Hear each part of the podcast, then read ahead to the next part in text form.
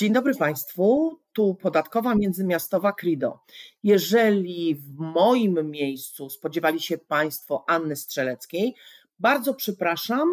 Kraków ma kłopoty z łączami, w związku z tym dziś podatkowa międzymiastowa na linii Koniec Pol Łódź. Z tej strony Alicja Sarna, dyrektorka do spraw kluczowych sporów podatkowych w Krido. I Konrad ze mną Dura. jest tak, Konrad Dura, menadżer w zespole VAT-owskim w Krido. Dziś spotykamy się z Państwem em, w związku z wydanym niedawno przez Trybunał Sprawiedliwości Unii Europejskiej wyrokiem w sprawie dotyczącej, mm, kolokwialnie mówiąc, paragonów e, czy faktur wystawianych przez pracowników, e, faktur wystawianych za plecami pracodawcy przez pracowników. Możemy to chyba w ten sposób powiedzieć. Konrad, gdybyś zechciał przybliżyć, o co chodziło w tym wyroku, chociaż pewnie większość z Państwa już o nim słyszała. Tak, wydawać by się mogło, że ten wyrok nie jest niczym nowym, że w temacie należytej staranności zapadło ich już dziesiątki, ale nie do końca się z tym zgadzam. On jednak wnosi trochę taki powiew świeżości, bo, bo pokazuje, Ten wyrok że... jest jednak inny. Dokładnie. On, on jednak pokazuje, że mamy tutaj do czynienia z takim przebłyskiem geniuszu, można powiedzieć, po stronie TSUE, bo pokazuje, że nie zawsze ten nasz pracodawca, nie zawsze ta, ten podatnik będzie odpowiadał za takie puste faktury, które gdzieś tam się pojawiają za jego plecami. I chyba to jest klucz tego wyroku. Tutaj e, CUE wydawać by się mogło poszedł dużo, dużo dalej niż zwykle. Odstąpił trochę od takiego ostrożnego podejścia i chwała mu za to, nie ukrywam. Przy, przypominając, sprawa dotyczyła sytuacji, w której, tak jak powiedziałeś, pracownik za plecami swojego pracodawcy wystawiał faktury, na których jako sprzedawca wskazany był ten pracodawca. Czyli w Tak, teorii wydawać by się mogło, że obowiązek zapłaty tego podatku wykazanego w fakturze, która to faktura była pusta, to znaczy nie dokumentowała żadnej dostawy towaru czy usługi, że to ten pracodawca, czyli ten nasz podatnik, e, przedsiębiorca, Powinien zapłacić VAT. powinien ten VAT zapłacić. A Trybunał Tak, powiedział mieliśmy- jednak nie. Nie. Tak, tutaj mieliśmy taką sytuację, że pracownikiem był kierownik stacji, kierowniczka stacji benzynowej, która zbierała paragony. I później, żeby ukryć e, ten fakt e, pustej faktury, przypisywała te paragony do wystawionych przez siebie faktur. Faktur, które były oparte o inny wzorzec, e, nie były to faktury typowe wystawiane przez tego przedsiębiorcę, nie były wystawiane przez system księgowy, tylko były wystawiane w jakimś Excelu. I te faktury były też e, głęboko schowane przed e, właścicielem tej stacji benzynowej, bo e, były w jakimś specjalnym folderze, do którego dostępu nikt nie miał. No i oczywiście te faktury zawierały dane tego przedsiębiorcy, tak? tego, tego pracodawcy. Właśnie. Pracodawca o tym nie wiedział. Co ciekawe, on się dowiedział o tym fakcie dopiero w trakcie czynności sprawdzających prowadzonych u jednego z jego kontrahentów. Nagle się okazało, że są jakieś faktury, faktury, których on na oczy nie widział, o których on nie wiedział, które w ogóle nie pasują do przyjętego wzorca faktury w e, jego firmie, no a które były wystawione ewidentnie z jego danymi. No I w związku z tym organy podatkowe powiedziały płacz i płać. Ten Dokładnie, podatek wykazany w dokładnie. tej fakturze się należy, prawda? No w końcu jesteś e, pracodawcą, tak? Powinieneś wiedzieć wszystko o swoich pracownikach, więc z automatu to jest twoja odpowiedzialność. No i Na tak- szczęście. Tak, i, i, I takiemu myśleniu TSUE powiedział hola, tak? Nie. Tak, tak. Tutaj trzeba też przyznać, e, że nasz NSA wykazał się czujnością i w ogóle wpadł na pomysł, żeby e, zadać takie pytanie prejudycjalne, tak? Bo do tej pory jakby w naszym orzecznictwie e, sądów administracyjnych też wcale jakoś nikt nie zwracał na to uwagi e, i było takie automatyczne powiązanie. Pracownik jest zatrudniony w danej firmie, firma odpowiada, firma płaci. Pracodawca, odpowiada. Tu rzeczywiście duży ukłon w stronę naszej koleżanki doradcy czyni podatkowej, e, która skłoniła NSA do tego, żeby, żeby takie pytanie zadał. Bardzo się cieszę, że ono, że ono do CUE trafiło i, i ja z mojej perspektywy osoby zajmującej się proces postępowaniami, no ten wyrok przyjęłam z ogromnym entuzjazmem. Ja też, ja też, chociaż powiem ci, że e, to nie jest e, wyrok, który będzie łatwo zastosować. Bo CUE odwołał się do należytej staranności, do dobrej wiary. No i teraz powiedz mi, Alicja, czy taki przedsiębiorca na tej stacji benzynowej to on dochował należytej staranności, czy nie? W ogóle jak to zweryfikować? Bo, bo ja mam znaczy, wrażenie, że od, od, posługujemy się ogólnym terminem. Odpowiem ci jak każdy rasowy prawnik. To zależy. właśnie, Oboje dobrze wiemy, że kwestia wykazania dochowania należytej staranności no jest jedną z najtrudniejszych, z jaką mierzymy się przy, przy, przy sporach dotyczących najkrócej mówiąc oszustw, tak, wyłudzeń VAT-owskich mówiąc, nazywając je w pewnym skrócie, mm, dlatego że organy podatkowe mają taką tendencję do oczekiwania, do oczekiwania od y, podatników, że będą wywiadowniami gospodarczymi, e, że będą e, no, wiedzieli wszystko o, o swoich kontrahentach ja anegdotycznie powiem, że jedną ze spraw, którą e, wygrałam i z której jestem bardzo dumna, to właśnie Wojewódzki Sąd Administracyjny we Wrocławiu bardzo stanowczo zareagował na tezę organu podatkowego, który powiedział, że podatnikowi jest łatwiej zweryfikować swojego kontrahenta, bo współpracuje z nim na co dzień, niż organowi podatkowemu. No, powiedzmy sobie, że taki hmm. tok myślenia to jest o dwa mosty za daleko, a nie tylko o jeden. Zdecydowanie, biorąc pod uwagę e, jakby szereg narzędzi, które stoją za plecami Ministerstwa Finansów, mechanizmów weryfikacji, e, powiedzmy nawet w pewnym stopniu przymusu.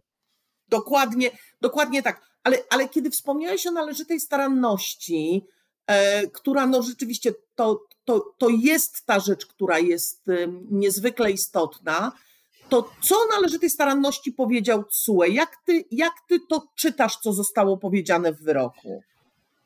No przede wszystkim e, CUE skupił się na tym, w jaki sposób działa nasz przedsiębiorca, tak? Czyli nasz e, CUE wymaga od tego przedsiębiorcy, aby on e, zapewnił takie minimalne, rozsądnie wymagane mechanizmy nadzoru nad tym pracownikiem. CUE nie powiedział, E, podatniku zamontuj kamerę w każdym pomieszczeniu, podatniku zamontuj pluskwę pod siedzeniem swojego e, pracownika pod fotelem, bo w inny sposób nie będziesz w stanie go nadzorować. Nie, co ja powiedział, musisz wdrożyć takie procedury, takie narzędzia, zasady funkcjonowania w firmie, e, abyś był w stanie jakby nadzorować na bieżąco poczynania tego pracownika. Przy czym właśnie nie, mowa, nie jest tutaj mowa o tym, że jakby każdy krok, każdy gest i, i, i czynność tego pracownika ma być weryfikowana, e, tylko żebyś ty, podatniku, miał możliwość sprawdzić,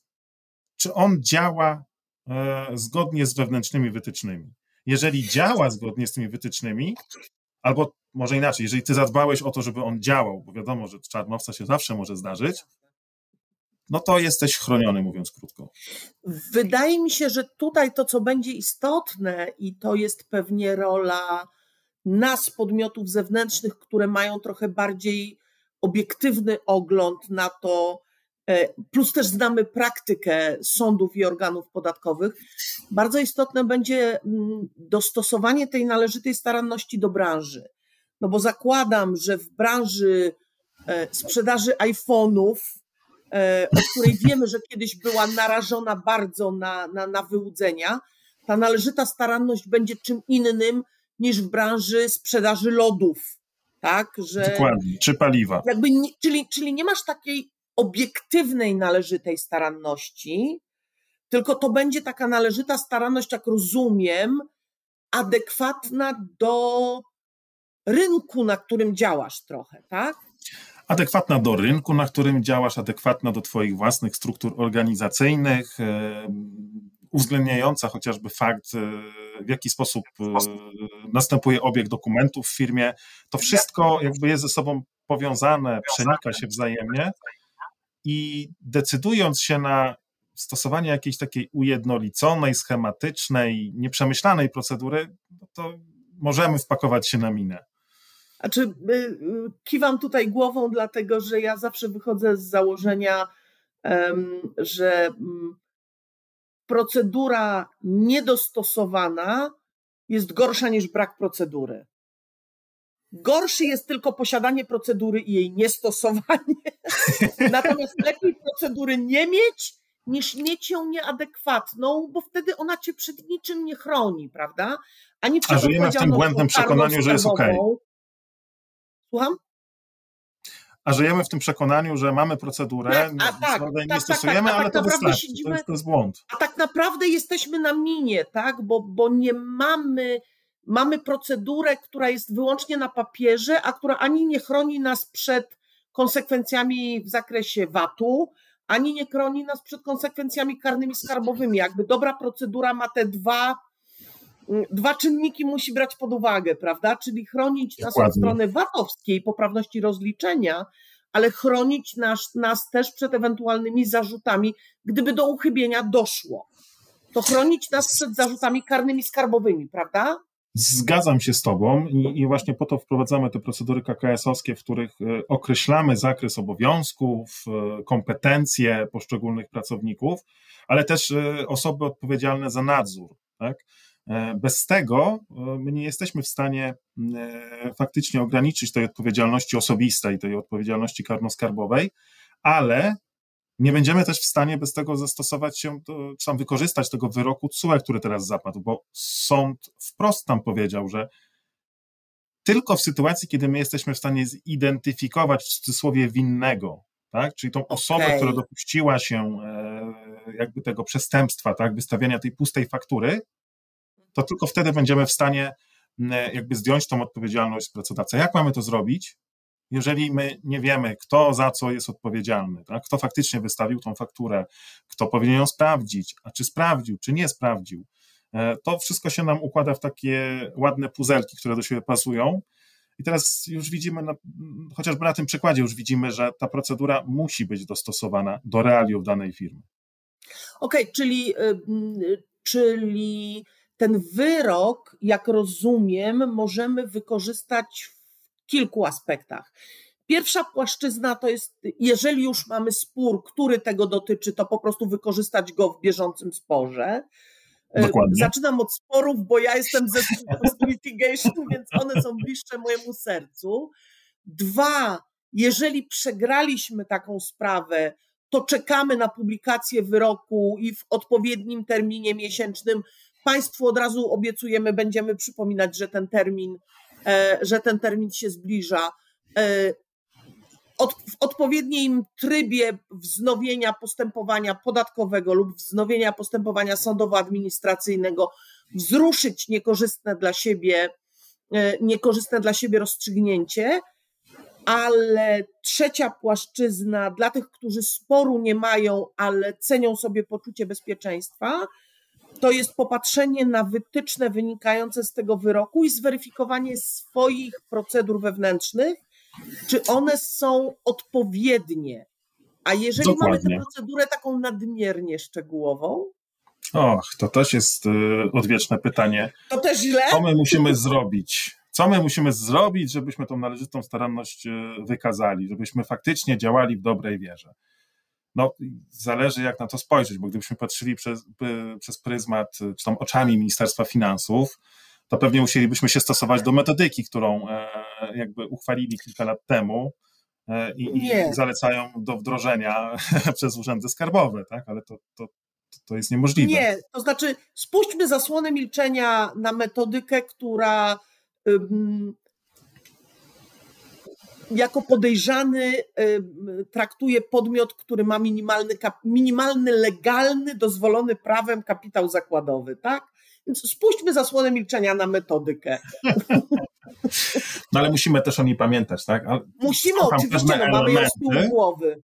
Tak, są tam pewne elementy, które się przydadzą, tak? Natomiast to, co powiedziałaś, metodyka jest, musimy wiedzieć, że stosują ją organy podatkowe czasami lepiej, czasami gorzej, ale na szczęście znów y, Trybunał e, Sprawiedliwości Unii Europejskiej e, daje nam przykład takiego głosu rozsądku i mówi tak, okej, okay, Mogą być różne wytyczne, mogą być różne procedury, mogą być jakieś metodyki przygotowywane przez e, naszych rządzących, ale one muszą mieć, tak mówiąc kolokwialnie, ręce i nogi. One muszą być dostosowane do możliwości tego przedsiębiorcy. One nie mogą być nadmiernie obciążające. E, I tutaj w innym wyroku, który zapadł dwa tygodnie temu, e, mhm. sprawa dotyczyła sporu z, skarbówką węgierską, który powiedział: OK, fajnie, że macie takie e, rygorystyczne wymogi, ale spójrzmy prawdzie w oczy, one nie są do spełnienia przez normalnie działający podmiot. Bo pamiętajcie, że ten podmiot musi prowadzić działalność gospodarczą, a nie tylko skupiać się na szpiegowaniu swoich kontrahentów. Konrad, w sprawie tej, o której wspomniałam wcześniej, ja miałam taką sytuację, że e, mój, mój, mój, mój, mój klient e, w 99 przypadkach pojechał do swojego e, kontrahenta. Spotkał się z nim na miejscu, sprawdził infrastrukturę, chociaż jak dobrze wiemy, zgodnie z wyrokiem z Techcem wcale nie musiał. W tym jednym przypadku nie pojechał. W tym jednym przypadku nie dołożył należytej staranności, w tych pozostałych przypadkach pozorował dołożenie należytej staranności. Stanęłam zatem przed sądem i zapytałam to, przepraszam, gdzie jest należyta staranność, bo ja mogę albo pojechać, albo nie pojechać. Nie mam trzeciego wyjścia. No i tu rzeczywiście sąd też bardzo, tak bardzo, bardzo ostro rozprawił się z organami podatkowymi. E, to był właśnie też ten, ten sam lub jeden z dwóch, bo one dotyczyły różnych okresów, ale dla tego samego podatnika wyroków, gdzie sąd powiedział, e, nie jesteś wywiadownią, prawda?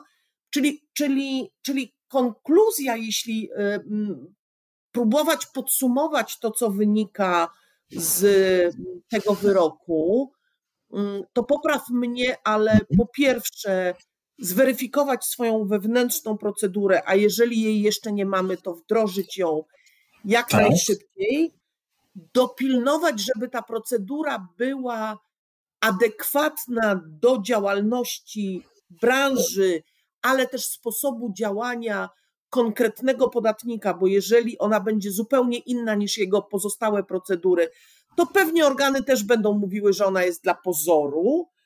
E, mhm. Sprawdzić, e, czy ta procedura uwzględnia wytyczne wynikające z metodyki, z zastrzeżeniem, że nie może to być odzwierciedlenie, trudne słowo, e, metodyki, no bo ona jest jednak nadmiernie rygorystyczna. I co jakiś czas sprawdzać, czy nie pojawiły się nowe wyroki, na przykład polskich sądów administracyjnych, które mhm. będą powodowały, że tę procedurę trzeba zweryfikować, tak, że ona powinna być w jakiś sposób uaktualniona, plus to, co jest konieczne, y, bo o, o tym kroku nie możemy zapomnieć, y, procedurę nie tylko wdrożyć, ale stosować, to znaczy przeszkolić pracowników i wymagać jej stosowania. Czy o czymś zapomniałam? Nie, wydaje mi się, że ładnie to wszystko zgrabnie e, ujęłaś. E, idealnym przykładem na konieczność aktualizowania tych procedur jest właśnie ten wyrok w sprawie, e, w cudzysłowie, pracowniczej, tak? Bo wcześniej sądy nie podkreślały nadmiernie tej, te, tego aspektu, że ten nadzór nad pracownikiem musi być wdrożony i jednocześnie musi być, powiedzmy, zrównoważony. Tak? Do tej pory z automatu przypisywano winę przedsiębiorcy i procedury z tych, z którymi ja się spotykałem, rzadko kiedy do tego się odwoływały. Tak? Oczywiście, jeżeli ktoś był na tyle przezorny i miał procedurę KKS i procedurę należytej staranności, to one wzajemnie się gdzieś pokrywały i zabezpieczały ten obszar, ale nie każdy ją ma, nie każdy zadbał o procedurę e, KKS, no bo po co? Więc no tak, spójrzmy a, na to, a, a jednak warto ją mieć. A jednak warto ją mieć, bo, bo, bo oboje dobrze widzimy, że spory podatkowe bardzo często jakby mają swój dalszy ciąg w postaci właśnie postępowań karnych, skarbowych, wszczynanych, już nie tylko, żeby zawiesić bieg terminu przedawnienia, ale po to, żeby wzbogacić skarb państwa o grzywny orzeczone lub e, najlepiej jeszcze dobrowolne poddanie się odpowiedzialności, to już wtedy skarb państwa jest najbardziej zadowolony, prawda? Ja powiem tylko e, jeszcze jedno, hmm? bo My mówimy ciągle o tych sytuacjach takich klasycznych, tak, tak z perspektywy naszej. Ja też mam jakieś doświadczenie w litigation. O mhm. tobie nie wspominam, bo, bo jesteś legendą. No też nie mam, no dziękuję ci. Ale te procedury się przydają też, e, słuchajcie, w takich zwykłych przypadkach, tak? No wyobraźmy sobie e, taki przypadek, nie mamy żadnego frodu, nie mamy żadnego oszustwa, wyłudzenia VAT-u, mamy po prostu transakcję jakąś międzynarodową, tak? I teraz, owszem, mamy jakąś procedurę KKS-owską, mamy gdzieś wdrożoną procedurę należytej staranności, no i co? Procedura należytej staranności obliguje nas do zweryfikowania naszego kontrahenta. Weryfikujemy go. No, jesteśmy nawet trochę bardziej nadgorliwi e, i sięgamy do tej metodyki niesławnej. Dużo rzeczy zebraliśmy, dużo informacji, fajnie. I co z tego, jak nie zadbaliśmy na przykład o wyjaśnienie wszystkich okoliczności transakcji. I nagle się okazuje, że to nie jest wewnątrzwspólnotowa dostawa towaru, tylko to jest tylko transakcja krajowa. łańcuchowa albo krajowa, A. bo się przerwała dostawa tak. w międzyczasie. My musimy tak. Mhm. tak podchodzić do procedur wewnętrznych, żeby pokrywać te elementy, które generują nam ryzyko, bo nawet jeżeli nie jesteśmy e, gdzieś tam na etapie jakiegoś wyłudzenia VAT-owskiego, to możemy narobić sobie dużych problemów, po prostu prowadząc biznes codzienny. Masz rację, rzeczywiście o tym, o tym aspekcie e, nie pomyślałam, więc fajnie, że zwróciłeś na niego uwagę. Czyli dla tych, którzy sporów nie mają, rekomendujemy e, weryfikację, sprawdzenie procedur. Dla tych, którzy spór mają, e, wykorzystanie tego wyroku e, w bieżącym sporze, a dla tych, którzy już spór mieli, ewentualną możliwość wznowienia postępowania. Oczywiście we wszystkich tych sprawach chętnie Państwu pomożemy. Myślę, że tym zakończymy już, życząc Państwu miłego weekendu. Miłego weekendu. Nie przeciągamy. Wszystkiego Nie dobrego. przeciągamy. Do widzenia Państwu, do zobaczenia i do, do widzenia.